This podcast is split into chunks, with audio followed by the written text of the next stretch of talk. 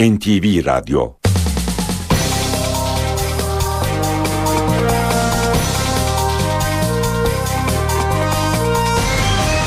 İşe Giderken Mutlu sabahlar. Ben Aynur Altunkaş. Bugün 28 Mayıs Salı. İşe giderken ne karşınızdayız. Saat 9'a kadar Türkiye ve dünya gündemindeki gelişmeleri paylaşacağız. Gazete manşetlerini, piyasa verilerini, yol ve hava durumlarını aktaracağız. İşe giderken gündemin öne çıkan başlıklarıyla başlıyor. 9. Cumhurbaşkanı Süleyman Demirel'in eşi Nazmiye Demirel hayatını kaybetti. 86 yaşındaki Nazmiye Demirel Alzheimer tedavisi görüyordu.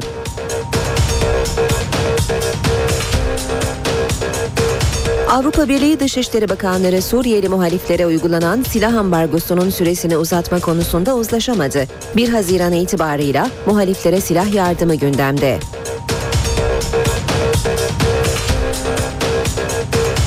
Suriye'ye giden Fransız Le Monde gazetesi muhabirleri ülkede kimyasal silah kullanıldığını iddia etti. Gazeteciler kendilerinin Destolu'nun güçlüğü yaşadığını söylüyor.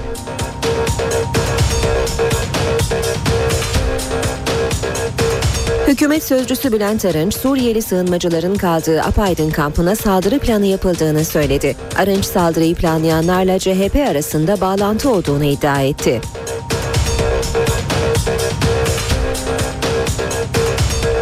CHP lideri Kemal Kılıçdaroğlu'nun makam aracı kaza yaptı. Burdur Ankara yolunda yaşanan kazadan sonra Kılıçdaroğlu Ankara'ya koruma aracıyla döndü.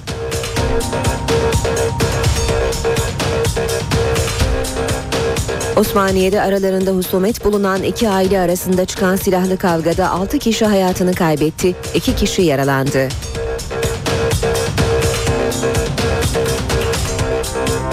Irak'ın başkenti Bağdat'ta Şii semtinde bomba yüklü araçlarla düzenlenen saldırılarda 66 kişi hayatını kaybetti. İşe giderken gazetelerin gündemi.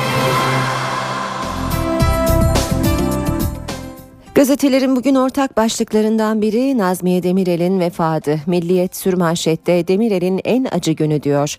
65 yıllık hayat arkadaşı Nazmiye Demirel'i kaybetti.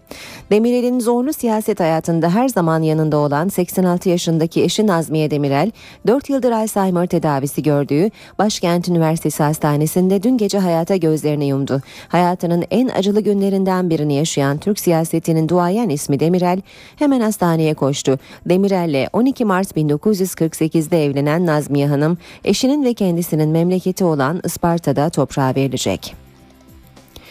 Hürriyet'te 65 yıllık can yoldaşını kaybetti demiş haberin başlığında. 9. Cumhurbaşkanı Demirel 12 Aralık 1948'de evlendiği 65 yıllık eşi Nazmiye Demirel'in acısını yaşıyor. Demirel hastanede güçlükle konuştu. 65 yıllık hayat arkadaşımdı mekanı cennet olsun dedi. Vatan Gazetesi de Demirel'in kalesi yıkıldı demiş. Cumhur, 9. E, Cumhurbaşkanı Süleyman Demirel'in arkamdaki en büyük kale dediği 65 yıllık hayat arkadaşı Nazmiye Demirel'i kaybetti diyor. E, Vatan Gazetesi haberinde gazeteci yazar Yavuz Donat zincir bozanda bile bu kadar sarsılmamıştı diye açıklamış izlenimlerini. Habertürk'te babanın büyük acısı diyor. Demirel'in 65 yıllık kader arkadaşı Nazmiye Hanım vefat etti. Demirel eşi ve sessiz destekçisini yitirdi e, diyor yine Habertürk e, başlığında. Diğer e, haberlere geçelim. Milliyet gazetesine bakalım yine. Manşet unutulduk top mermisiyle ailesi dağılan babanın isyanı. Suriye'den gelen topla eşini ve üç çocuğunu kaybeden, dört çocuğuyla yalnız kalan Ömer Timuçin yanındayız diyen herkes ortadan kayboldu diyor.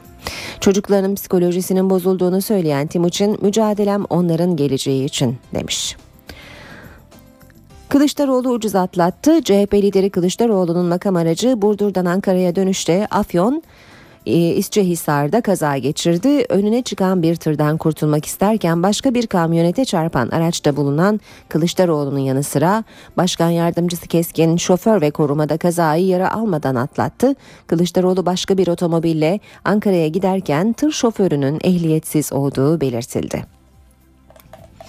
Hürriyetle devam edelim basın özetlerine. Reçetesiz satana ceza diyor Hürriyet manşetinde.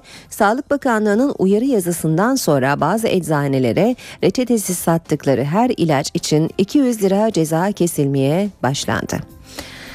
Şehitler için dua etti, Bozkurt gibi kılavuz olacağız. Haberin başlığı MHP Genel Başkanı Devlet Bahçeli, milletimize Bozkurt gibi kılavuzluk ederek kaynaşmayı her alana yayarak şer cephesinin hesaplarını boşa çıkaracağız. Ülkücüler içimizi karıştıracak, parazitlere, kardeşliğimizi bozacaklara fırsat vermeyecekler dedi. Devam edelim basın özetlerine işe giderken de Vatan gazetesine bakalım. Vatanda manşet komutana 4 artı 1 sürprizi. Yeni hazırlanan Türk Silahlı Kuvvetleri Personel Kanunu taslağına göre Genelkurmay Başkanlarının 4 yıl olan görev süresi 1 yıl daha uzatılabilecek. Bir diğer haber Çocuğunuz kalp hastası olabilir. Profesör Ahmet Rasim Küçükusta gıda ambalajları ve bebek ürünleriyle ilgili aileleri uyardı. Mama önlükleri, at, e, alıştırma külotları, banyo malzemeleri, yatak çarşaflarından tutun da gıda ambalajlarına kadar her üründe kimyasal madde kullanılıyor demiş Rasim Ahmet Rasim Küçükusta. Devam edelim Sarıgül'de çatlak başlığıyla Mustafa Sarıgül'ün Eylül'de CHP'ye katılıp İstanbul Büyükşehir Belediye Başkanlığı'na aday olacağı iddiası partide tartışma yarattı. Yeni Şafak gazetesi manşetinde halk çözümü satın aldı diyor. CHP Genel Başkan Yardımcısı Gürsel Tekin partisinin mesafeli yaklaştığı çözüm sürecinin geldiği noktayı değerlendirirken havası var ve toplum bu havayı satın almış durumda. Sürecin altı doldurulmalı. Umarız süreç iyi nihayetlenir dedi. Ben olursam İstanbul'u garanti alırız demiş yine Gürsel Tekin. Meclisteki dört partinin millete yeni anayasa sözü verdiğini hatırlatan Tekin, anlaşma sağlanamayan 7-8 madde üzerinde liderlerin uzlaşana kadar bir odaya kapanıp çalışmasını önerdi. Tekin, İstanbul Büyükşehir Belediye Başkanlığı'nın adaylığı için de yeşil ışık yaktı. Ben aday olursam AK Parti'nin işi zor, siler süpürürüz demiş. Bir diğer başlıktı ben öldü. Suudi Arabistan Kralı Abdullah'la ilgili haber. Abdullah'ın klinik olarak öldüğü iddia edildi. Londra'da yayın yapan Arap gazetesi Eşşark El Afsat'ın haberine göre Abdullah'ın kalp, böbrek ve e, ciğerleri fonksiyonlarını tamamen yitirdi. Habertürk'le devam edelim. Habertürk'te manşet utanacak bir şey yok. Pembe odayı kullanın. 57 gün oldu ama mahkumlar utandığı için pembe oda başvuruları az. Diyarbakır, Mardin ve Siirt'te hiç olmadı diyor Habertürk haberinde. Devam edelim yine Habertürk'ten aktarmaya. Bülent Arınç konuştu. O isimler açıklanacak. Arınç, Reyhanlı'nın yanı sıra Apaydın kampında, kampına da saldırı planlanmış. Planlayanlar, CHP heyetini Esad'a götürenler, soruşturma bitince isimleri açıklanacak dedi. Alkol satışı 3 ay serbest. Alkollü içkiyi akşam 22'den sonra bakkal ve büfede satış yasağı bu yaz yok. Yasa resmi gazetede yayımlandıktan 90 gün sonra yürürlüğe girecek diyor Habertürk haberinde. Geçiyoruz Zaman Gazetesi'ne deniz ve kara sınır güvenliği alarm veriyor demiş Zaman manşette. Reyhanlı saldırısı acı gerçeği ortaya çıkardı. Yönetimdeki çok başlılık Suriye sınırında güvenliği tehlikeye atıyor. Sığınmacılar için esnetilen kurallar terör örgütlerinin işine yarıyor. Karakollarda asker sayısı onu geçmezken denetimi uzman olmayan er ve erbaş yapıyor. Deniz sınırı sadece bir sahil güvenlik botuyla denetleniyor. Sabah gazetesiyle devam edelim. Esad'a suçüstü diyor manşeti sabahın. Fransız Le Monde gazetesinin iki muhabiri Esad güçlerinin muhaliflere kimyasal silah kullanmasına tanık oldu ve görüntüledi. Şam çevresindeki çatışmaları iki ay boyunca izleyen Le Monde muhabirleri gördüklerini şöyle yazmışlar. Esad güçlerinin kimyasal silah saldırısı göğüs göğüse çarpışmaların olduğu Cabaş banyosunda yoğunlaştı. Zehirli kimyasala maruz kalan Özgür Suriye ordusu askerleri önce nefessiz kalıp yere yığılıyor sonra şiddetli baş ve karın ağrısıyla birlikte kusmaya başlıyordu. Duyma ve konuşma yetisini yitiren askerler o anda tedavi edilmezse ertesi güne çıkamıyordu. Cumhuriyet gazetesine bakalım. Çocuk tecavüz evi diyor Cumhuriyet manşetinde. Şakran cezaevinde çocuklara yönelik işkence ve hortumla dayak iddiaları ürkütücü boyutta. BDP Mersin Milletvekili Ertuğrul Kürkçü, Şakran cezaevinde kalan 13-17 yaş arası çocukların şiddetin yanı sıra cinsel taciz ve tecavüze de maruz kaldığını belirterek artık saklanamayacak olan büyük bir facia ile karşı karşıyayız dedi. Cezaevlerinin çocuklar için işkence ve tecavüz evine döndüğünü söyleyen Kürkçü, Türkiye ayağa kalkmalı ve çocuklarına sahip çıkmalıdır dedi. Ve akşam gazetesine de bakacağız. Akşam ana yası uzlaşması diyor manşette. Barış sürecinin bilimsel analizi Doktor Ayla Yazıcı Ekopolitik Araştırma Merkezi'nde iki yıldır çalıştığı projeyle barışa giden yolun psikolojik haritasını çıkardı. Hakkari'de travma yaşamış annelerle yapılan araştırmanın sonuçları çarpıcı. Aslında çözümü yıllardır katlanarak büyüyen yaz dayattı. Gündemin ayrıntılarıyla işe giderken de birlikteyiz. 9. Cumhurbaşkanı Süleyman Demirel 65 yıllık eşi Nazmiye Demirel'i kaybetti. 86 yaşında hayata veda eden Nazmiye Demirel bir süredir hastanede Alzheimer tedavisi görüyordu. 65 senelik hayat arkadaşım. Allah ona cennetli mekanı etsin.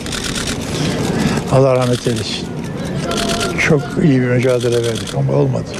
9. Cumhurbaşkanı Süleyman Demirel eşi Nazmiye Demirel'in vefat haberini alır almaz hastaneye gitti ve çıkışta bu açıklamayı yaptı. Başkent Hastanesi'nin değerli başhekimine, Başkent Üniversitesi'nin rektörüne, tıp fakültesi dekanına ve bütün hekimlerine, bütün sağlık personeline minnet ve şükranlarımız vardır. Dört buçuk sene onu ayakta tuttular. Allah kendilerine razı olsun.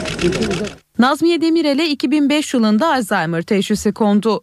4 Aralık 2010'dan beri de Başkent Üniversitesi Hastanesi'nde tedavi görüyordu.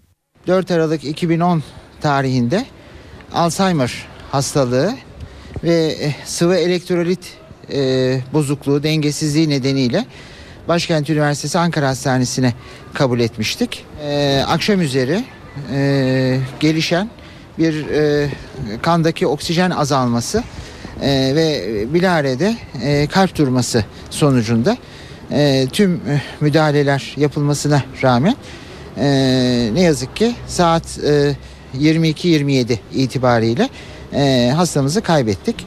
Hepimizin başı sağ olsun. Kendisi de uzun bir süredir tedavi gören Süleyman Demirel, sağlık sorunları nedeniyle eşiyle en son bir buçuk iki ay önce yüz yüze görüşmüştü.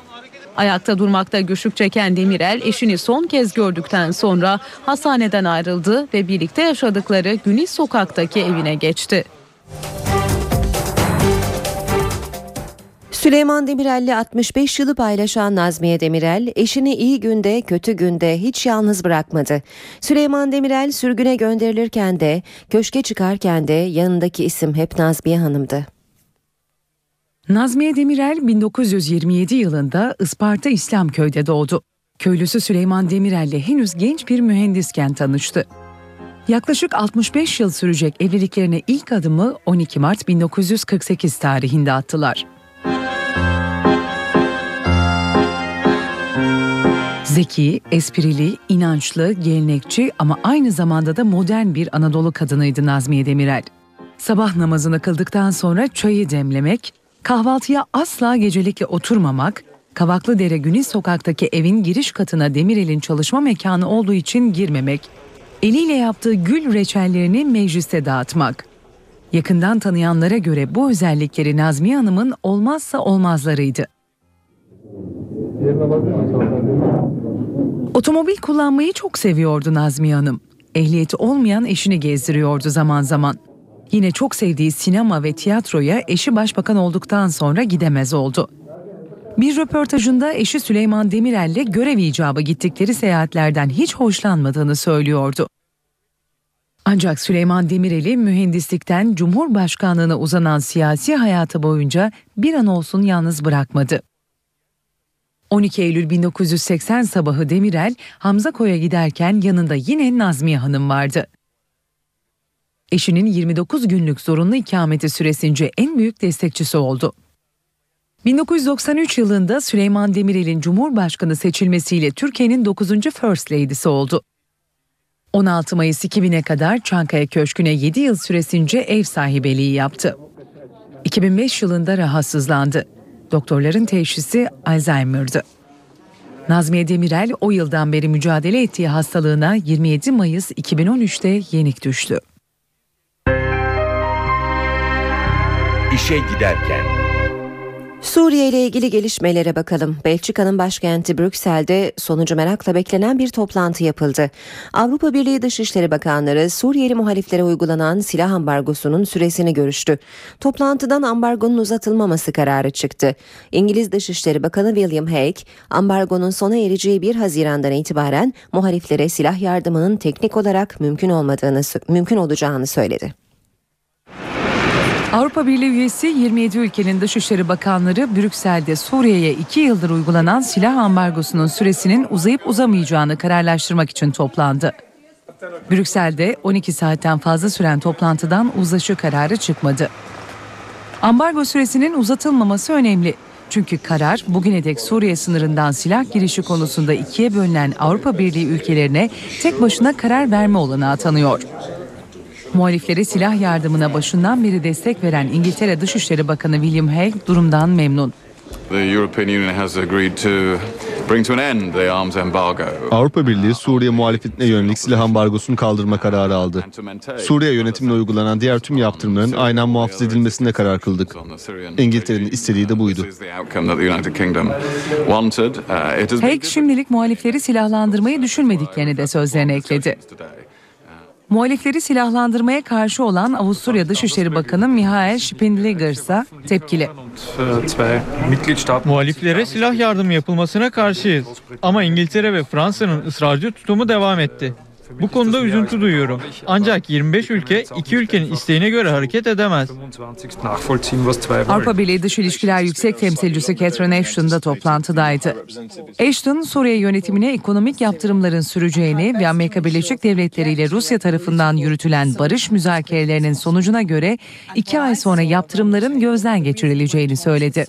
Avrupa Birliği'nin 2011'de yürürlüğe koyduğu ambargo, birlik ülkelerinin Suriye yönetimi ve muhalifleri silah teminini yasaklıyordu. Suriye'ye giden Fransız gazeteciler Suriye'de kimyasal silahın izlerine rastladıklarını duyurdu.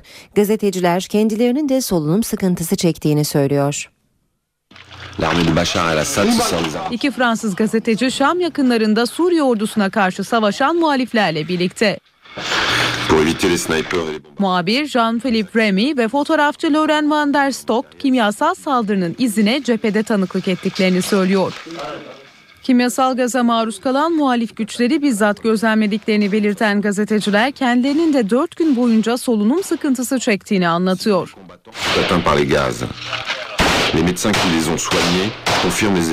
Haberde Suriyeli bir doktorla da röportaj yapılmış.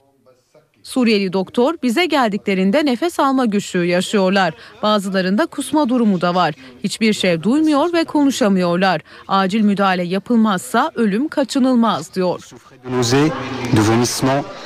Suriye'de Beşar Esad yönetiminin muhaliflere karşı zehirli sarin gazı kullandığı iddia ediliyor. Şam yönetimi bu iddiayı kabul etmiyor.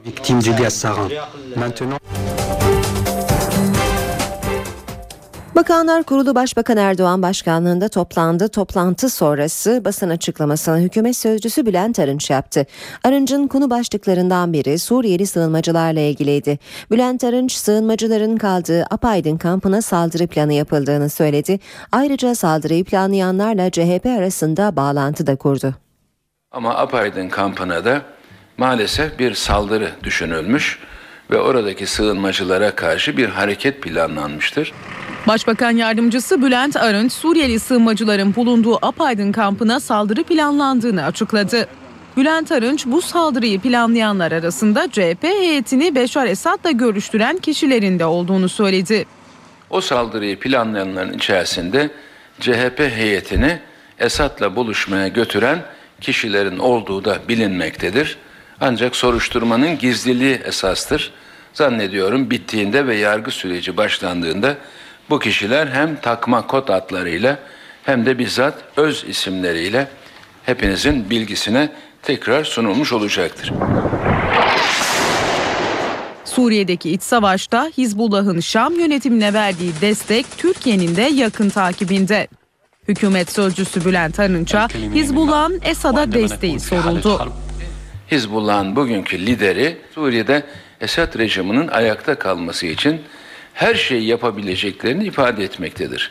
Şüphesiz Hizbullah'a ve onun liderine karşı dünya kamuoyunda, İslam aleminde ve Arap aleminde oluşacak tepkileri de herhalde kendileri göğüsleyecektir. Arınç, Reyhanlı'da 52 kişinin hayatını kaybettiği saldırıya ilişkin soruşturmada gelinen son nokta hakkında da bilgi verdi. İstihbarat zafiyeti iddiasının araştırıldığını söyledi. Bu iddiayı incelemek üzere Başbakanlık Teftiş Kurulu'na talimat vermiştir.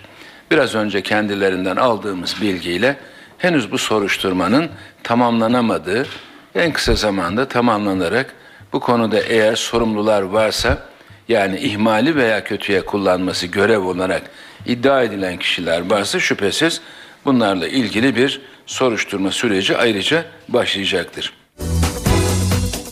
Hatay'ın Reyhanlı ilçesinde bombalı saldırılar nedeniyle hayatını kaybedenlerin sayısı 52'ye yükseldi. Hayatını kaybeden son kişi 6 çocuk babası Mustafa Kuday. Reyhanlı'daki bombalı saldırının 52. kurbanı Mustafa Kuday. 55 yaşındaki Kuday tedavi gördüğü hastanede hayatını kaybetti. Geride 6 çocuk bıraktı. Mustafa Kuday 2 hafta önceki patlamaya dükkanında yakalandı. İlk patlamanın olduğu belediye binası yakınlarındaki berber dükkanında çalışıyordu. Saldırıda ağır yaralandı. Adana'daki hastaneye sevk edildi. Her geçen gün durumu daha da ağırlaştı. Ameliyata alındı ama kurtarılamadı.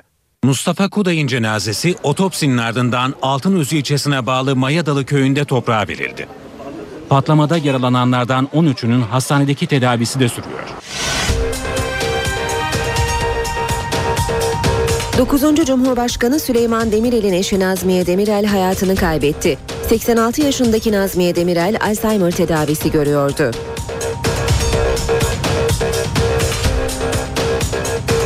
Avrupa Birliği Dışişleri Bakanları Suriyeli muhaliflere uygulanan silah ambargosunun süresini uzatma konusunda uzlaşamadı. 1 Haziran itibarıyla muhaliflere silah yardımı gündemde.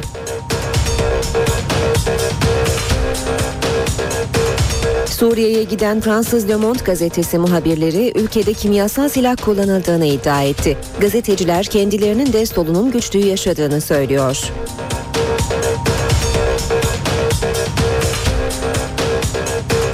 Hükümet sözcüsü Bülent Arınç, Suriyeli sığınmacıların kaldığı Apaydın kampına saldırı planı yapıldığını söyledi. Arınç saldırıyı planlayanlarla CHP arasında bağlantı olduğunu iddia etti.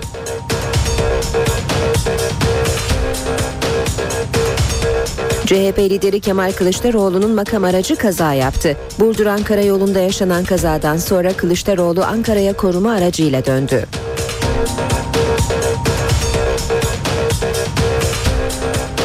Osmaniye'de aralarında husumet bulunan iki aile arasında çıkan silahlı kavgada 6 kişi hayatını kaybetti, 2 kişi yaralandı.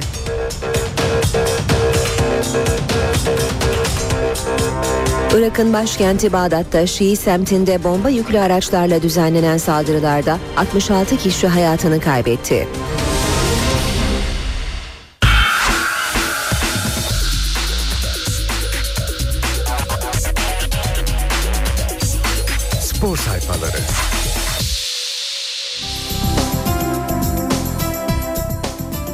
Şimdi gazetelerin spor sayfalarını çevirmeye başlayacağız. İlk gazete Milliyet.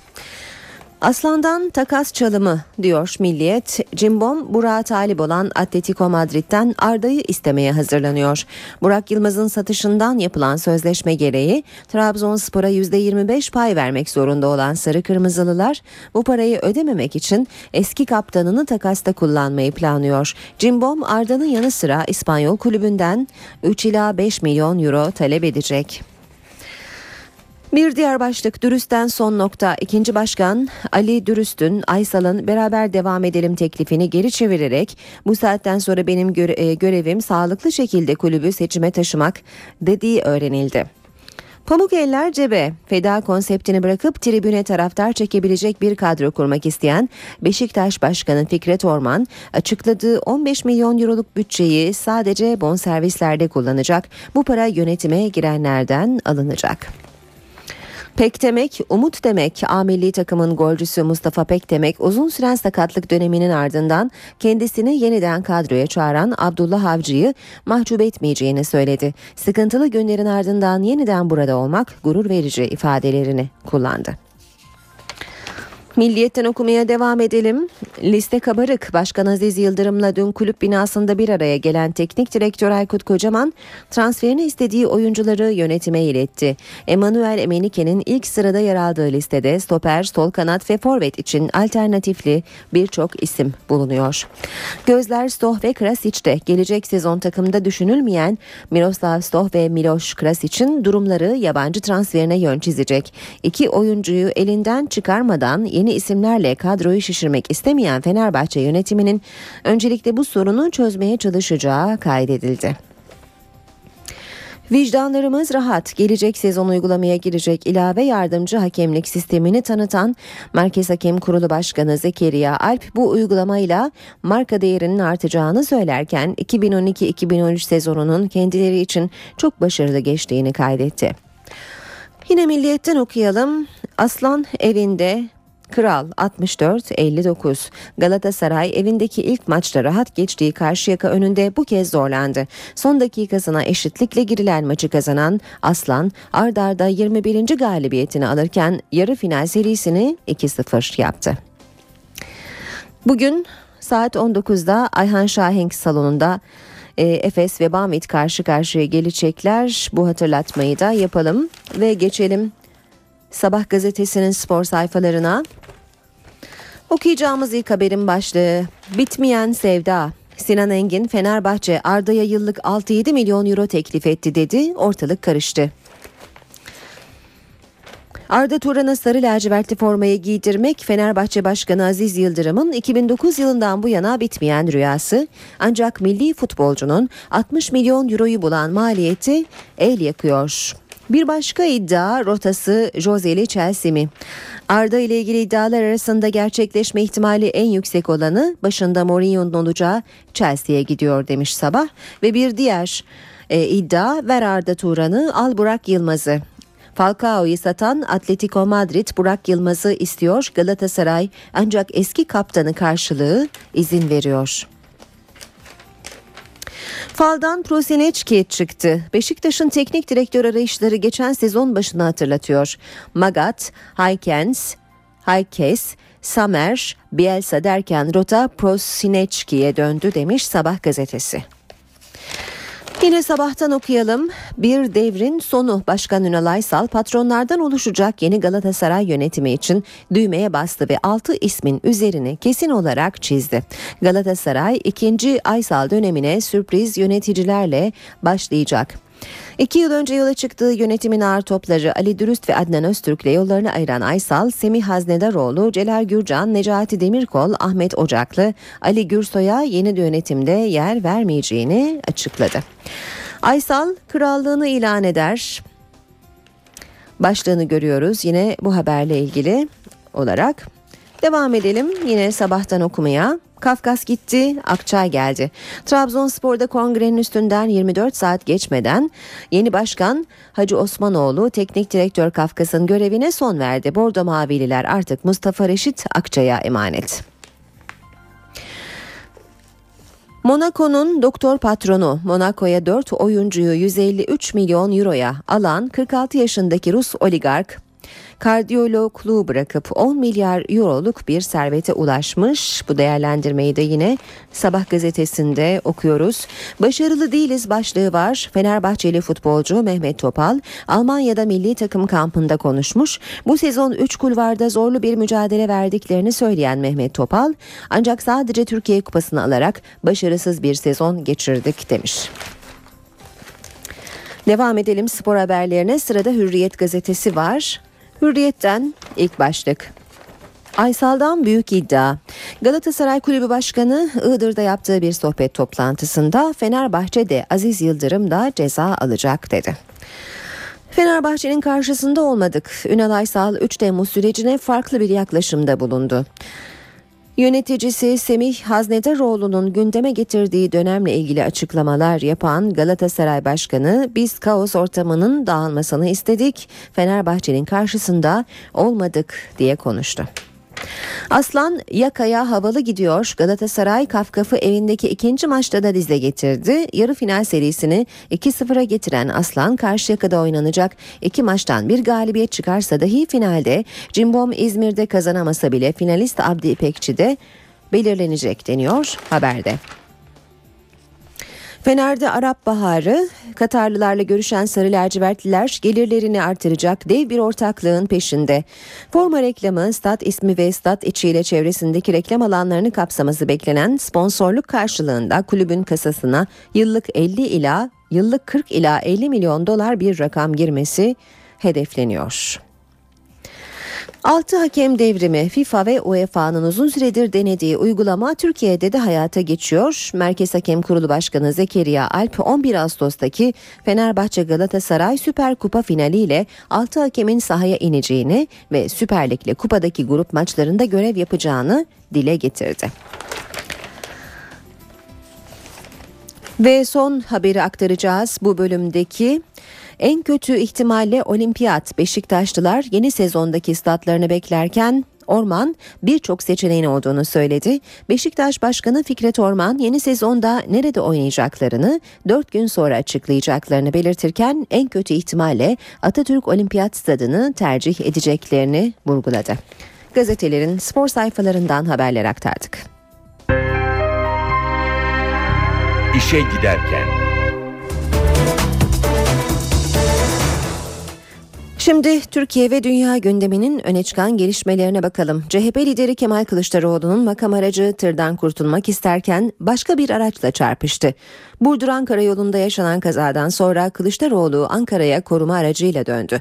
Kazaya neden olan şoförün ise ehliyetsiz olduğu ortaya çıktı. Kaza sırasında araçta bulunan Genel Başkan Yardımcısı Adnan Keskin kazayı anlattı. CHP lideri Kemal Kılıçdaroğlu'nu taşıyan makam aracı Burdur'dan Ankara'ya dönerken kaza geçirdi. Kılıçdaroğlu'yla araçta bulunan Genel Başkan Yardımcıları Adnan Keskin ve Yakup Akkaya tehlike atlattı. Bir minibüs bir karşıya geçiş şeysi vardı, yolu vardı. Oradan aniden fırladı. Minibüs tam geçmeden bu sefer arkasından bir beton mikseri yola çıktı ani bir şekilde yola çıktı. Şoför eğer sola kıvırmasaydık tam mikseri göbekten vuracaktık. Araba ve üçümüz de belki çok parçalanacaktık. Ama şoför çok soğukkanlı davrandı. Sola kıvırdı. Geçiş yerine doğru kıvırdı. Minibüse çarparak mikser, şeyden beton mikserden çarpmadan kendimizi kurtararak arabayı sola kıvırarak sıyrılmış olduk. Bu korku dolu anların öncesinde Kemal Kılıçdaroğlu Burdur'daydı. Arkadaşlarımla beraber Ankara'da bir randevuya yetişmek zorundayım. Saat 14.30'da Burdur'dan ayrılacaktım. Ama şimdi saat kaç bilmiyorum. 15. Demek ki yarım saat onu da hızla yolda kapatacağız. CHP lideri konuşmanın hemen ardından 06 CHP 01 plakalı makam aracıyla Burdur'dan ayrıldı ve kısa süre sonra da kaza gerçekleşti. Kazadan yara almadan kurtulan Kılıçdaroğlu konvoyda bulunan koruma aracıyla yoluna devam etti. Biraz tabii bir sükunet dönemi geçti. Biraz takıldım ben Yakup'a. Senin her bildiğin araç böyle üçüncü kazan oldu senin değil mi? Beton mikserini kullanan şoförün ehliyetsiz olduğu ortaya çıktı, gözaltına alındı. Akşam saatlerinde Ankara'ya dönen Kılıçdaroğlu genel merkeze geçerek daha önce randevu verdiği Amerikan Kongre üyelerinden oluşan heyetle görüştü. Kaza haberini alan Cumhurbaşkanı Abdullah Gül de Kemal Kılıçdaroğlu'nu telefonla arayarak geçmiş olsun dileğinde bulundu.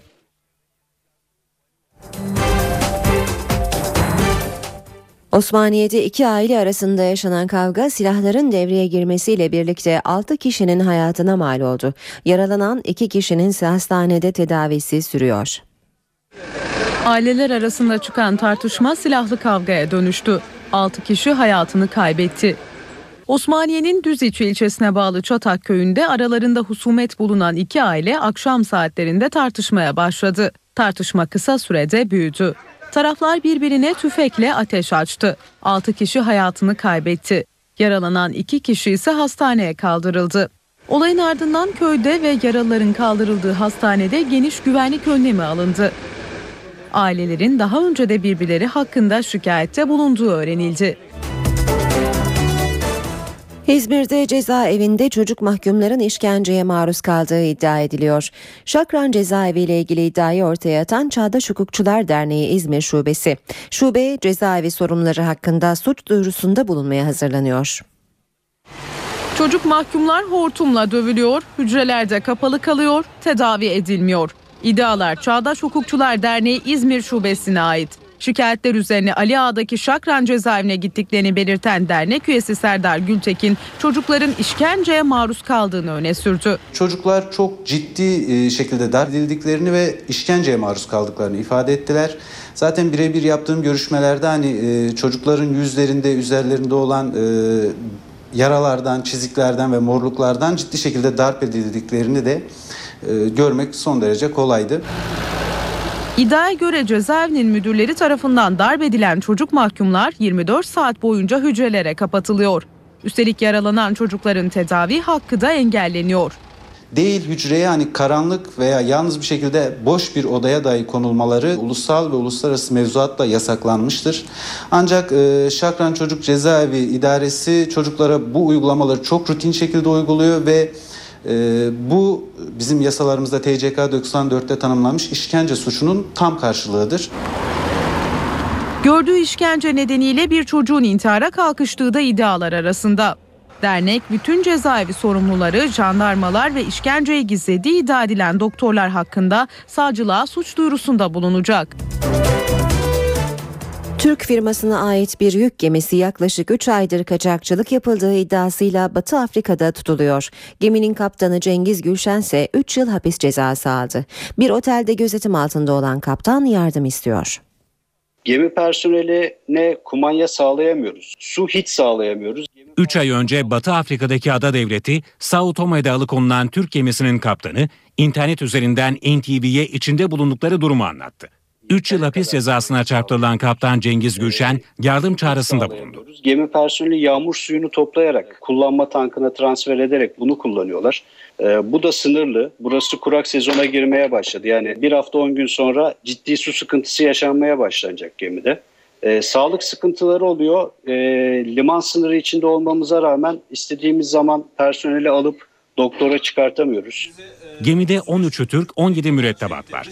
Kaptanın dışındaki personel halen gemide. Çökmüş durumda. İddiaya göre İsveçli firmanın çalıştırdığı biri Türk iki gemi Sao Tome açıklarında telsiz yoluyla izin alarak mal transferi yapmak istedi. Önce izin verildi ama ardından her iki gemi ve personeli de kaçakçılık iddiasıyla alıkonuldu. Her iki gemide bulunan yük de gemiden gemiye malzeme aktarmaya yarayan bu kargo hortumları ve usturmaça gibi malzemeler de tamamen e, bu İsveçli kiracının. Dolayısıyla her iki gemi arasında yapılacak herhangi bir aktarımın aslında ticari bir boyutu bulunmamakta. Yani birisinin sol cebindekini sağ cebine koymasından bir farkı yok. Mürettebatın aileleri endişeli. Özellikle de kaptanın İstanbul'da yaşayan eşi. Kesinlikle temizde de iyi bir sonuç çıkmayacağını düşünüyorum. E, haksız yargılamanın devam edeceğini düşünüyorum. O yüzden çok mağduruz. Firma geminin tüm personeliyle birlikte Türkiye'ye getirilebilmesi için yetkili makamlardan yardım istiyor. NTV Radyo Günaydın herkese yeniden. Ben Aynur Altunkaş. Bu saate Gökhan Abur'la hava durumunu konuşarak başlayacağız ama önce gündemin başlıkları.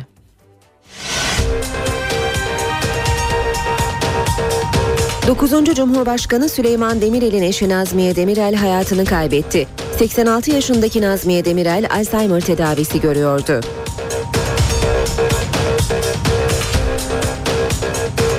Avrupa Birliği Dışişleri Bakanları Suriyeli muhaliflere uygulanan silah ambargosunun süresini uzatma konusunda uzlaşamadı. 1 Haziran itibarıyla muhaliflere silah yardımı gündemde.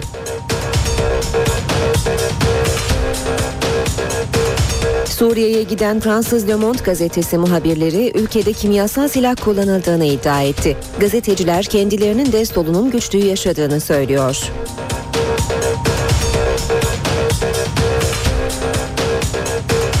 Hükümet sözcüsü Bülent Arınç, Suriyeli sığınmacıların kaldığı Apaydın kampına saldırı planı yapıldığını söyledi. Arınç saldırıyı planlayanlarla CHP arasında bağlantı olduğunu iddia etti.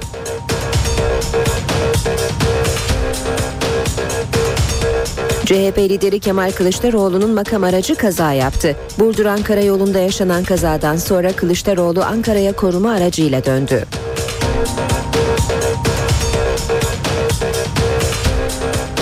Osmaniye'de aralarında husumet bulunan iki aile arasında çıkan silahlı kavgada 6 kişi hayatını kaybetti, 2 kişi yaralandı.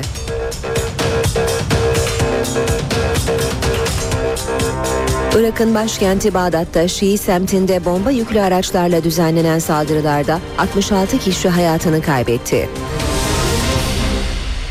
Gökhan Abur yanımızda. Günaydın Sayın Abur. Günaydın. Bizi bugün nasıl bir hava bekliyor? Ee, bugün düne göre sıcaklıklar batı bölgede biraz daha yükseliyor. Özellikle Ege'de, Akdeniz'de güneyli rüzgarların taşıyacağı ki o daha ılık hava sıcaklıkları yükseltmeye devam edecek. Batıda yağış beklemiyoruz. Şu anda İstanbul'da sıcaklık 17 derece bugün 27-28'lere kadar çıkacak. Şu an itibariyle rüzgarlar güneyli esiyor fakat öğle saatlerinde hafif de olsa bir poyraz var. Fakat yarın sıcaklıklarda hızlı bir yükseliş var ama Batı Karadeniz, Marmara ve Kuzey Ege'de Poyraz'ın kuvvetlenmesini bekliyoruz. Özellikle öğleden sonra kuvvetlenecek Poyraz. Termometre sıcaklıkları İstanbul'da örnek vermek istiyorum. 30 dereceye geçse bile hissedilen sıcaklığı biraz düşürecek. O bakımdan Perşembe günü sıcaklıklarda yine 3-4 derecelik azalış var. Oldukça değişken bir hafta. Doğudaki yağışlar ara vermiyor. Şu an itibariyle Van Hakkari arasında yağışlar devam ediyor ki öğle saatlerinde e, bu yağışların özellikle Van Şırnak arasındaki bölgede daha etkili olmasını bekliyoruz. Yine şu anda Sinop'ta Kastamonu'da yağış var. İlerleyen saatlerde Sivas'ta aralıklarla yağış bekliyoruz. Gün içinde Diyarbakır'da hafif bir yağış geçişi görülebilir. Yani doğudaki hafif yağışlar bir nevi bahar yağışları diye de isimlendirebileceğimiz bu yağışlar etkisini sürdürmeye devam ediyor. Yarın da doğudaki yağışlar aralıklarla devam edecek. Gün içinde Marmara'nın doğusunda ve Batı Karadeniz'de yine hafif yağış geçişleri bekliyoruz. Perşembe günü ise doğuda yağışlar hafiflerken Marmara'nın batısında kısa süreli de olsa yağışlar görülecek. Biraz önce de vurguladım. Sıcaklıklar azalmıştı. Azalmasına rağmen mevsim ortalamaları üzerindeydi. Yarın bir hayli yükselecek ama perşembeden itibaren birkaç derecelik azalış olsa yine de sıcaklıklar mevsim ortalamaları üzerinde olacak. Böyle son derece değişken bir hava biz evet. bekliyor bizleri. Ani değişimlere karşı tedbirli olmakta fayda var. Gökhan Abur teşekkür ediyoruz. İşe giderken gazetelerin gündemi.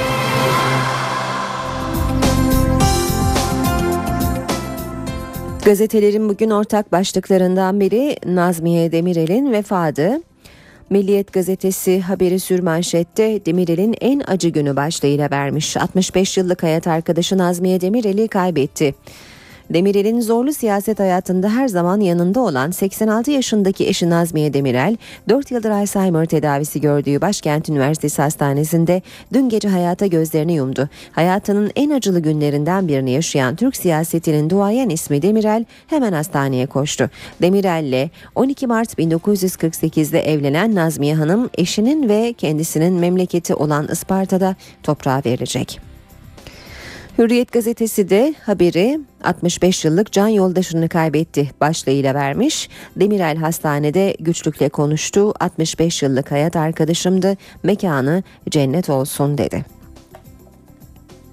Vatan gazetesi de Sürmanşette Demirel'in kalesi yıkıldı diyor. Süleyman Demirel arkamdaki en büyük kale dediği 65 yıllık hayat arkadaşı Nazmiye Demirel'i kaybetti. Demirel'in çok üzgün olduğunu belirten gazeteci yazar Yavuz Donat zincir bozanda bile bu kadar sarsılmamıştı diye konuştu. Eşinin 44,5 e, yıldır Alzheimer tedavisi gördüğü başkent hastanesine gelen Demirel'in güçlükle ayakta durduğu görüldü. Çıkışta bütün sağlık personeline çok teşekkür ederim. Yıllardır onu sağlıklı tuttular var Allah rahmet eylesin dedi. Habertürk'te de babanın büyük acısı başlığıyla haberi görüyoruz. Ee, Demirel'in eşi ve sessiz destekçisini yitirdiği ifade ediliyor haberde. Diğer haberlerle devam edelim. Milliyette manşet unutulduk top mermisiyle ailesi dağılan babanın isyanı. Suriye'den gelen topla eşini ve üç çocuğunu kaybeden, dört çocuğuyla yalnız kalan Ömer Timuçin yanındayız diyen herkesin ortadan kaybolduğunu ifade ediyor. Devam edelim. Yine Milliyet gazetesinden aktaralım. Kılıçdaroğlu ucuz atlattı. CHP lideri Kılıçdaroğlu'nun makam aracı Burdur'dan Ankara'ya dönüşte Afyon İsçehisar'da trafik kazası geçirdi. Önüne çıkan bir tırdan kurtulmak isterken başka bir kamyonete çarpan araçta bulunan Kılıçdaroğlu'nun yanı sıra başkan yardımcısı bak, e, başkan yardımcısı Keskin şoför ve korumada kazayı yara almadan atlattı. Kılıçdaroğlu başka bir otomobille Ankara'ya giderken tır şoförünün ehliyetsiz olduğu belirtildi. Devam ediyoruz. Amerikalı senatörün gizli ziyareti başlığıyla Obama'yı Suriye meselesinde fazla pasif olmakla eleştiren ve başından beri uçuşa kapalı bölge tezini savunan senatör John McCain, kilis üzerinden Suriye'ye geçti. Geçelim hürriyete. Hürriyette manşet reçetesiz satana ceza. Sağlık Bakanlığı'nın uyarı yazısından sonra bazı eczanelere reçetesiz sattıkları her ilaç için 200 lira ceza kesilmeye başlandı. Bozkurt gibi kılavuz olacağız sıradaki başlık. MHP Genel Başkanı Devlet Bahçeli milletimize bozkurt gibi kılavuzluk ederek kaynaşmayı her alana yayarak şer cephesinin hesaplarını boşa çıkaracağız. Ülkücüler içimizi karıştıracak parazitlere, kardeşliğimizi bozacaklara fırsat vermeyecekler dedi. Vatan gazetesine bakalım. Vatanda manşet komutana 4 artı 1 sürprizi. Yeni hazırlanan Türk Silahlı Kuvvetleri Personel Kanunu taslağına göre Genelkurmay Başkanlarının 4 yıl olan görev süresi 1 yıl daha uzatılabilecek. Varil varil kaçak mazot 17 Mayıs'ta Hatay merkeze bağlı Tanışma köyünde bir kaçak mazot deposu havaya uçmuş 10 kişi hayatını kaybetmişti. İngiliz haber ajansı Reuters dün kaçak mazotun Türkiye'ye nasıl girdiğini gösteren 26 Mayıs tarihli fotoğrafları yayınladı. Bu fotoğraflardan birini vatanda görüyoruz. Bir diğer başlık vatandan çocuğunuz kalp hastası olabilir. Profesör Ahmet Rasim Küçükusta gıda ambalajları ve bebek ürünleri ile ilgili aileleri uyardı. Mama önlükleri, alıştırma külotları, banyo malzemeleri, yatak çarşaflarından tutun da gıda ambalajlarına kadar her üründe fitalat adlı kimyasal madde kullanılıyor. Bu kimyasal çocuklarda hipertansiyona, dolayısıyla kalp hastalığına yol açıyor, hormonları bozuyor, üreme fonksiyonlarını etkiliyor, kısırlığı ve erken ergenliği tetikliyor bekliyor. Sarıgül'de çatlak. Mustafa Sarıgül'ün Eylül'de CHP'ye katılıp İstanbul Büyükşehir Belediye Başkanlığı'na aday olacağı iddiası partide tartışma yarattı. Devam ediyoruz ee, Cumhuriyet gazetesiyle. Cumhuriyet'te manşet çocuk tecavüz evi. Şakran cezaevinde çocuklara yönelik işkence ve hortumla dayak iddiaları ürkütücü boyutta. BDP Mersin Milletvekili Ertuğrul Kürkçü, Şakran cezaevinde kalan 13-17 yaş arası çocukların şiddetin yanı sıra cinsel taciz ve tecavüze de maruz kaldığını belirterek artık saklanamayacak olan büyük bir facia ile karşı karşıyayız dedi. Cezaevlerinin çocuklar için işkence ve tecavüz evine döndüğünü söyleyen Kürkçü, Türkiye ayağa kalkmalı ve çocuklarına sahip çıkmalıdır dedi. Geçelim Haber Türkiye. Utanacak bir şey yok diyor Habertürk manşette. Pembe odayı kullanın. 57 gün oldu ama mahkumlar utandığı için pembe oda başvuruları az. Diyarbakır, Mardin ve Siirt'te hiç olmadı deniyor haberde.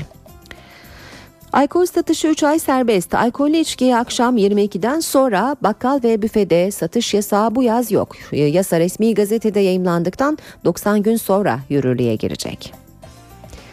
Devam ediyoruz. Akşam gazetesiyle akşamda manşet anayasa uzlaşması. Barış sürecinin bilimsel analizi Doktor Ayla Yazıcı Ekopolitik Araştırma Merkezi'nden iki yıldır çalıştığı projeyle barışa giden yolun psikolojik haritasını çıkardı. Hakkari'de travma yaşamış annelerle yapılan araştırmanın sonuçları çarpıcı. Aslında çözümü yıllardır katlanarak büyüyen yaz dayattı. Yeni Şafak'a geçelim. Halk çözümü satın aldı diyor Yeni Şafak manşette. CHP Genel Başkan Yardımcısı Gürsel Tekin partisinin mesafeli yaklaştığı çözüm sürecinin geldiği noktayı değerlendirirken havası var ve toplum bu havayı satın almış durumda. Sürecin altı doldurulmalı. Umarız süreç iyi nihayetlenir dedi. İstanbul Belediye Başkanlığı ile ilgili olarak da Tekin ben olursam İstanbul'u garanti alırız açıklamasını yaptı. Geçelim Zaman gazetesine. Zamanda manşet deniz ve kara sınır güvenliği alarm veriyor. Reyhanlı saldırısı acı gerçeği ortaya çıkardı. Yönetimdeki çok başlılık Suriye sınırında güvenliği tehlikeye atıyor. Sığınmacılar için esnetilen kurallar terör örgütlerinin işine yarıyor. Karakollarda asker sayısı onu geçmezken denetimi uzman olmayan er ve erbaş yapıyor. Deniz sınırı sadece bir sahil güvenlik botuyla denetleniyor. Ve son olarak Sabah gazetesine bakacağız. Sabahta Esad'a suçüstü başlığı manşette Fransız Le Monde gazetesinin iki muhabiri Esad güçlerinin muhaliflere kimyasal silah kullanmasına tanık oldu ve görüntüledi. Gazetecilerin izlenimlerini Sabah gazetesi manşetine taşımış. Saat 8.20 işe giderken de birlikteyiz. Bugün e, tüm Türkiye'nin e, en önemli gündem maddelerinden biri 9. Cumhurbaşkanı Süleyman Demirel'in eşi Nazmiye Demirel'in vefatı. Şimdi bu başlık altında gelişmeler için Ankara'ya uzanacağız. Karşımızda NTV muhabiri Ercan Gürses olacak. Ercan günaydın. Günaydın kolay gelsin.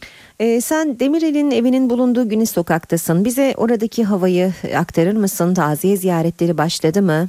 Aslında Güneş Sokak'ta dün gece saatlerinde ilk taziye ziyareti gerçekleşti. Şu an durgun görünüyor Güneş Sokak ama gün içerisinde burada liderleri özellikle görebileceğimizi, Demirel'in eski siyaset arkadaşlarını özellikle hükümet olduğu dönemdeki bakanları, hayatta kalanları ve onların yakınlarını aynı zamanda Isparta'dan gelen heyetçi heyetten bazı isimleri görebileceğimizi tahmin ediyoruz. Tabi dün itibariyle 22-20 sularında hayatını kaybetmişti Nazmiye Demirel. 9. Cumhurbaşkanı Süleyman Demirel'in 65 yıllık eşi Demirel de Günis Sokağa geldi. Başkent Hastanesi'nde o vefatın hemen ardından hastaneye gitmişti. İlk ziyaretçi İçişleri Bakanı Muammer Güler oldu. Ardından Meclis Başkanı Cemil Çiçek bir taziye mesajı yayınladı. Bugün itibariyle liderler Ankara'da. Dört partinin dört grup toplantısı var. Tabi Başbakan Erdoğan, CHP lideri Kılıçdaroğlu, MHP lideri Bahçeli, diğer liderler aynı zamanda meclis dışındaki liderlerin de burada ziyarette bulunması söz konusu. Tabii Demirel'in çalışma arkadaşlarının ve Isparta'dan geleceklerinin de dikkate alındığını söyleyelim. Tabii aynı zamanda cenazenin perşembe günü yapılacağı belirtiliyor. Isparta'da gerçekleşecek cenaze töreni. Bunda dışarıdan geleceklerin ve hazırlıklarının da etkisi, hazırlıkların da etkisi olduğu özellikle vurgulanıyor. 2005 yılından bu yana Alzheimer teşhisi konan, 2010 yılından bu yana hastanede tedavi gören Nazmiye Demirel aslında uzun bir süredir Günis Sokak'tan uzaktı. Günis Sokak şu anda bizim bulunduğumuz yer Demirel e, çiftinin Nazmiye ve Süleyman Demirel çiftinin aslında siyasi mücadelelerinin çok önemli bölümüne şahitlik etmiş bir yer. Demirel ne zaman buradan ayrılsa Nazmiye Hanım'la beraber söz gelimi 12 Eylül 1980 darbesinin ardından askeri yönetimin yine Güneş Sokak'taki evinden aldırdığı e, çiftin daha sonra yine buraya gelerek siyasi mücadelelerini devam ettikleri yine Çankaya Köşkü'ne Güneş Sokak'tan birkaç yüz metre ileride Çankaya Köşkü'ne 1993 yılında taşındıkları 2000 yılında Cumhurbaşkanlığı bittikten sonra Demirel'in yine eşiyle birlikte buraya döndüğünü söylemek lazım. Dolayısıyla Demirel ve Nazmiye Demirel çiftiyle özdeşleşmiş bir yer Günis Sokak ve o Günis Sokak'ta Demirel bugün artık yalnız eşini kaybetmiş durumda. 86 yaşında hayatını kaybeden Nazmiye Demirel için bugün taziye ziyaretlerinin Günis Sokak'ta sıkça olabileceğini tahmin ediyoruz. Bu nedenle caddenin de trafiğe kapatıldığını hatırlatmak lazım. Ercan teşekkür ediyoruz kolay gelsin. İşe giderken Ankara'da siyasetin yeni tartışma konusu Mehter Marşı. Başbakan Yardımcısı Bülent Arınç'ın Manisa'da bir festivalin 10. yıl marşıyla başlamasını eleştirmesine muhalefetten tepki geldi. Başbakan Yardımcısı Arınç ise festivalde gösterdiği tepkinin nedenini anlattı. Arınç Mehter Marşı taraftarlığını 10. yıl marşı karşıtlığı olarak ortaya koyarak ayrıştırıcı bir dil kullanıyor ve ayrıştırıcı sürece katkı sağlıyor. Kendine buradan bir kez daha uyarıyorum. Yani CHP'nin tepkisini normal karşılıyorum. Ama MHP'den buna bir tepki verileceği dünya yıkılsa aklıma gelmezdi. Demek ki konuşacak bir şey bulamamış çok sayın profesörümüz. Bugün de bu konuya girmiş. Bak buna Özden Yeniçeri bile tepki göstermiş. Allah'ım aklımızı koru. İktidarla hükümet arasında Mehter Marşı polemiği yaşanıyor. Manisa'da bir festivalin 10. yıl marşıyla başlamasına tepki gösteren hükümet sözcüsü Bülent Arınç, muhalefetten gelen eleştirilere yanıt verdi. Şimdi CHP'nin buna hayıflanmasını anlıyorum. Çünkü onlar 27 Mayıs darbesini de bir devrim olarak görürler. 27 Mayıs darbesine bugüne kadar hiçbir CHP'linin karşı çıkmadığını çok iyi biliyor. Bu marşı ne kadar çok beğeniyorsa CHP bir teklifim var. CHP Genel Merkezi'nden 24 saat aralıksız 10. yıl marşını çalsınlar. Veya mecliste grup toplantılarına mutlaka 10. yıl marşıyla başlasınlar. Arınç festivalde gösterdiği tepkinin 10. yıl marşı çalınmasına değil, mehter takımı oradayken 10. yıl marşına öncelik verilmesi olduğunu söyledi. Başbakan Yardımcısı Bülent Arınç, Mavi Marmara konusunda İsrail ile yürütülen tazminat görüşmelerinde gelinen son durumu da anlattı. Bazı konularda anlaşma sağladıklarını söyleyen Arınç, müzakerelerde tam olarak anlaşma sağlanabilmesi için İsrail'in Filistin'e uygulanan ambargoyu kaldırması gerektiğini söyledi. Bugüne kadarki temaslar sırasında bazı konularda anlaşma sağlanmıştı. Yani tazminatın hangi konuları kapsayacağı, hangi parametreler esas alınarak tazminat konusunda bir anlaşma yapılabileceği.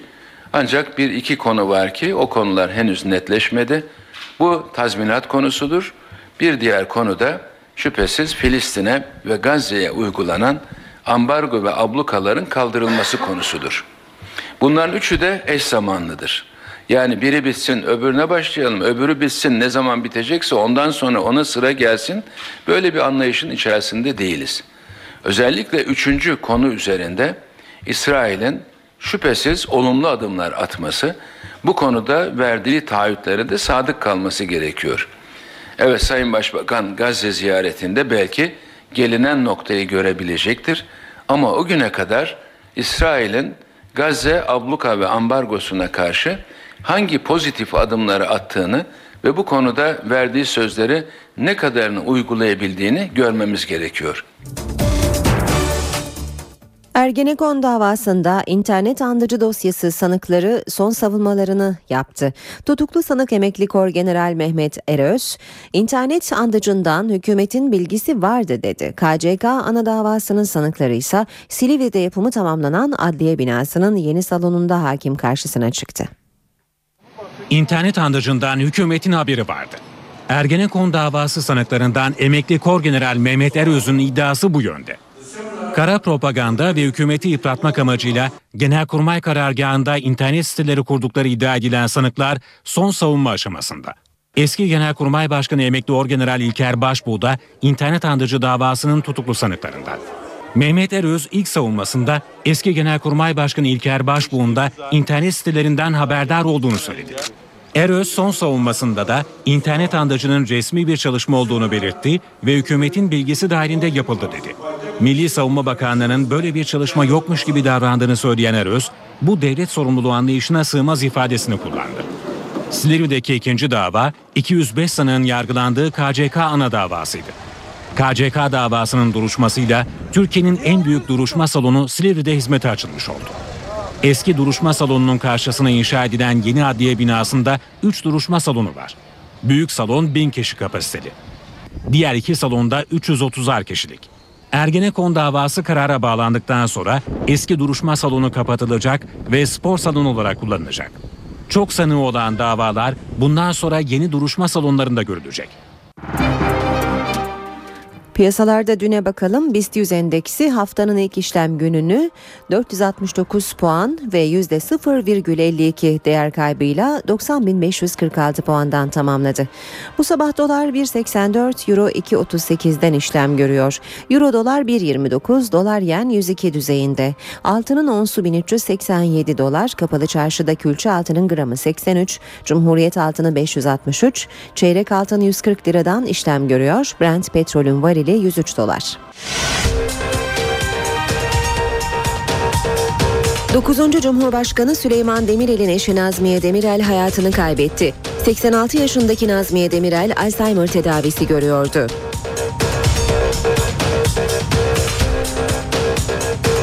Avrupa Birliği Dışişleri Bakanları Suriyeli muhaliflere uygulanan silah ambargosunun süresini uzatma konusunda uzlaşamadı.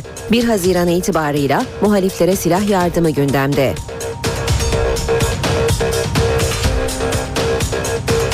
Suriye'ye giden Fransız Le Monde gazetesi muhabirleri ülkede kimyasal silah kullanıldığını iddia etti. Gazeteciler kendilerinin de solunum güçlüğü yaşadığını söylüyor.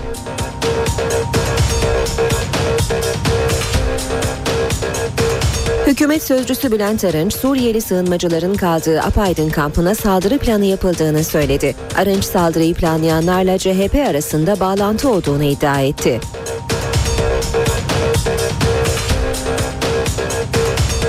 CHP lideri Kemal Kılıçdaroğlu'nun makam aracı kaza yaptı. Burdur-Ankara yolunda yaşanan kazadan sonra Kılıçdaroğlu Ankara'ya koruma aracıyla döndü.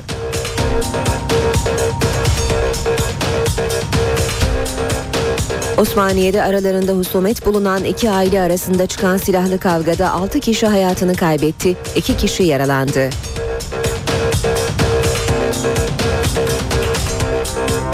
Irak'ın başkenti Bağdat'ta Şii semtinde bomba yüklü araçlarla düzenlenen saldırılarda 66 kişi hayatını kaybetti.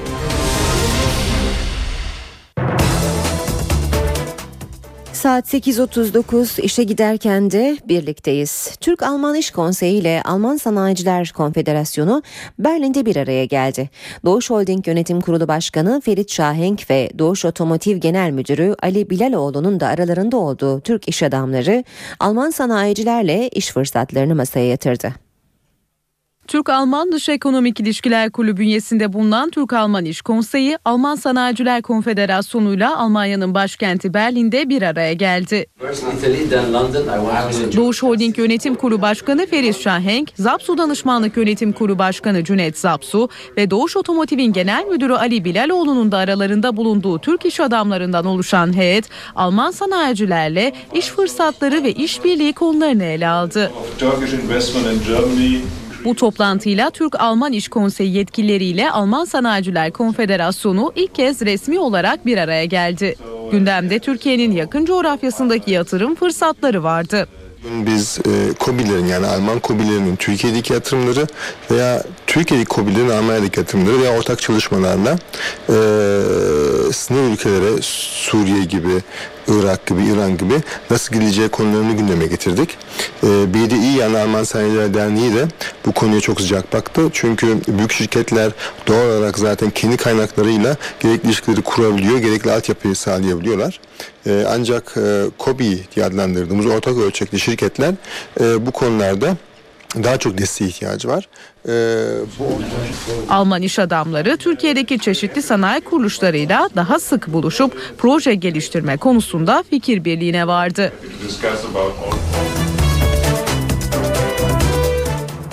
Kıbrıs Rum Yönetimi Dışişleri Bakanı Ioannis Kasoulides göreve gelmesinin ardından ilk röportajını NTV Lefkoşa temsilcisi Selim Sayarı'ya verdi. Kasoulides çözüm pazarlıkları ve yeni müzakere yöntemine ilişkin önemli açıklamalar yaptı.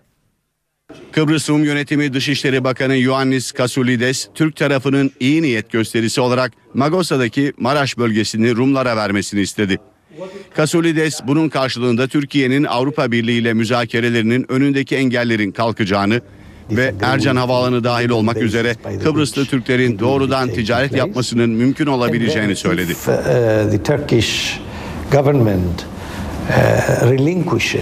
Eğer Türk hükümeti kapalı Maraş'ı Rumlara verirse bu ilişkilerde yepyeni bir dönem başlatır. Bir kere güven sorunu ortadan kalkar. Başkan Anastasiadis Rum kamuoyunu çözüm için çok daha kolay motive edebilir. Bunun karşılığında Türkiye'nin Avrupa Birliği ile müzakere sürecinin önündeki engeller kalkar. Kıbrıslı Türkler doğrudan ticaret olanağına kavuşabilir. Kişilerin ya da malların doğrudan ticareti. Bu çerçevede Ercan Havaalanı'na doğrudan ticaretin başlaması da konuşulabilir. Eğer Kıbrıslı Türkler doğrudan ticaret olanağına kavuşursa Türkiye'nin limanlarını Kıbrıslı Rumlara kapatmasına da gerek kalmaz. Düşünsenize ne büyük bir değişim olur. Rumların önceliğinin ekonomik kriz olduğunu bu nedenle de Kıbrıs görüşmelerinin Ekim'den önce başlamasının zor olduğunu söyleyen Rum Dışişleri Bakanı, müzakereleri artık liderlerin değil gayri resmi kişilerin yürütmesini istiyoruz dedi. Kasolides Ankara ile doğrudan görüşmek istediklerini vurguladı. Yeni başlayacak süreçte müzakereci Rum yönetimi lideri bakan ya da milletvekili olmamalı. Kıbrıs Rum yönetimini değil sadece Rum halkını temsil eden biri olmalı. Bu işleri hızlandırabilir. Bu gayri resmi bir kişi olacağı için Ankara ile doğrudan görüşme olanağı yaratabilir. Biz Ankara ile konuşarak birçok konuyu ele alabiliriz. Türkiye Kıbrıs sorununun çözümünde kilit ülkedir. Ama bir de Güney Kıbrıs var. Unutmayın tango iki kişiyle yapılır. Türkiye ile her tarafın kazançlı çıkacağı bir çözüm formülü bulabiliriz. Kıbrıslı Türklere de şunu söylemek istiyorum. Türkler ve Rumlar birbirlerinin endişelerini anlamalı. Kimsenin diğerine zarar vermek istemediğine inanmalı. Irak'ın başkenti Bağdat'ta bomba yüklü araçlarla düzenlenen saldırı 66 kişinin ölümüne neden oldu. Hedef ise Şii semtlerdi. Irak'ın başkenti Bağdat 12 ayrı patlamayla sarsıldı. Bomba yüklü araçların hedefinde Şii semtleri vardı. Pazar yeri gibi kalabalık noktalarda gerçekleştirilen saldırıların bilançosu ağır oldu. Aralarında çocukların da olduğu onlarca Iraklı öldü, çok sayıda yaralı var. Bu masum insanların suçu ne? 4 yaşında bir çocuk öldü. Bu katliamın sorumlusu kim? Irak'ta son dönemde Şii ve Sünni gruplar arasında tansiyon yüksek. Hükümetin istifasını isteyen Sünniler Şii Başbakan Nuri El Maliki'yi ayrımcılıkla suçluyor. Hükümet ise bu suçlamayı reddediyor. Mezhep geriliminin giderek tırmandığı Irak'ta son iki haftada 300'den fazla kişi yaşamını yitirdi. Oscar ödüllü ünlü oyuncu Angelina Jolie kanser riski nedeniyle memelerini aldırdığı operasyonun ardından ailesinden bir kişiyi daha bu hastalıktan kaybetti. Jolie'nin teyzesi de tıpkı annesi gibi meme kanserinden yaşamını yitirdi. Amerikalı ünlü aktris Angelina Jolie'nin kanser endişesi haklı çıktı. Jolie, kansere yakalanma korkusuyla göğüslerini aldırdığı haberinden iki hafta sonra teyzesini bu hastalıktan kaybetti. Angelina Jolie'nin teyzesi Debbie Martin meme kanseri nedeniyle yaşamını yitirdi. 61 yaşında hayatını kaybeden Debbie Martin'in Angelina Jolie'de de tespit edilen aynı riskli geni taşıdığı açıklandı. Ancak ünlü oyuncunun teyzesinin 2004'te kansere yakalandıktan sonra bu riskli genin farkına varabildiği belirtildi. Angelina Jolie'nin annesi de 2007'de 56 yaşında meme kanserinden yaşamını yitirmişti. 37 yaşındaki ünlü aktris iki hafta önce ailesinin taşıdığı riskli gen nedeniyle radikal bir karar alarak iki göğsünü aldırdığını açıklamıştı. Bu haberle işe giderken sona eriyor. Ben Aynur Altunkaş. Saat başında gelişmelerle yeniden buluşmak üzere. Hoşçakalın. NTV Radyo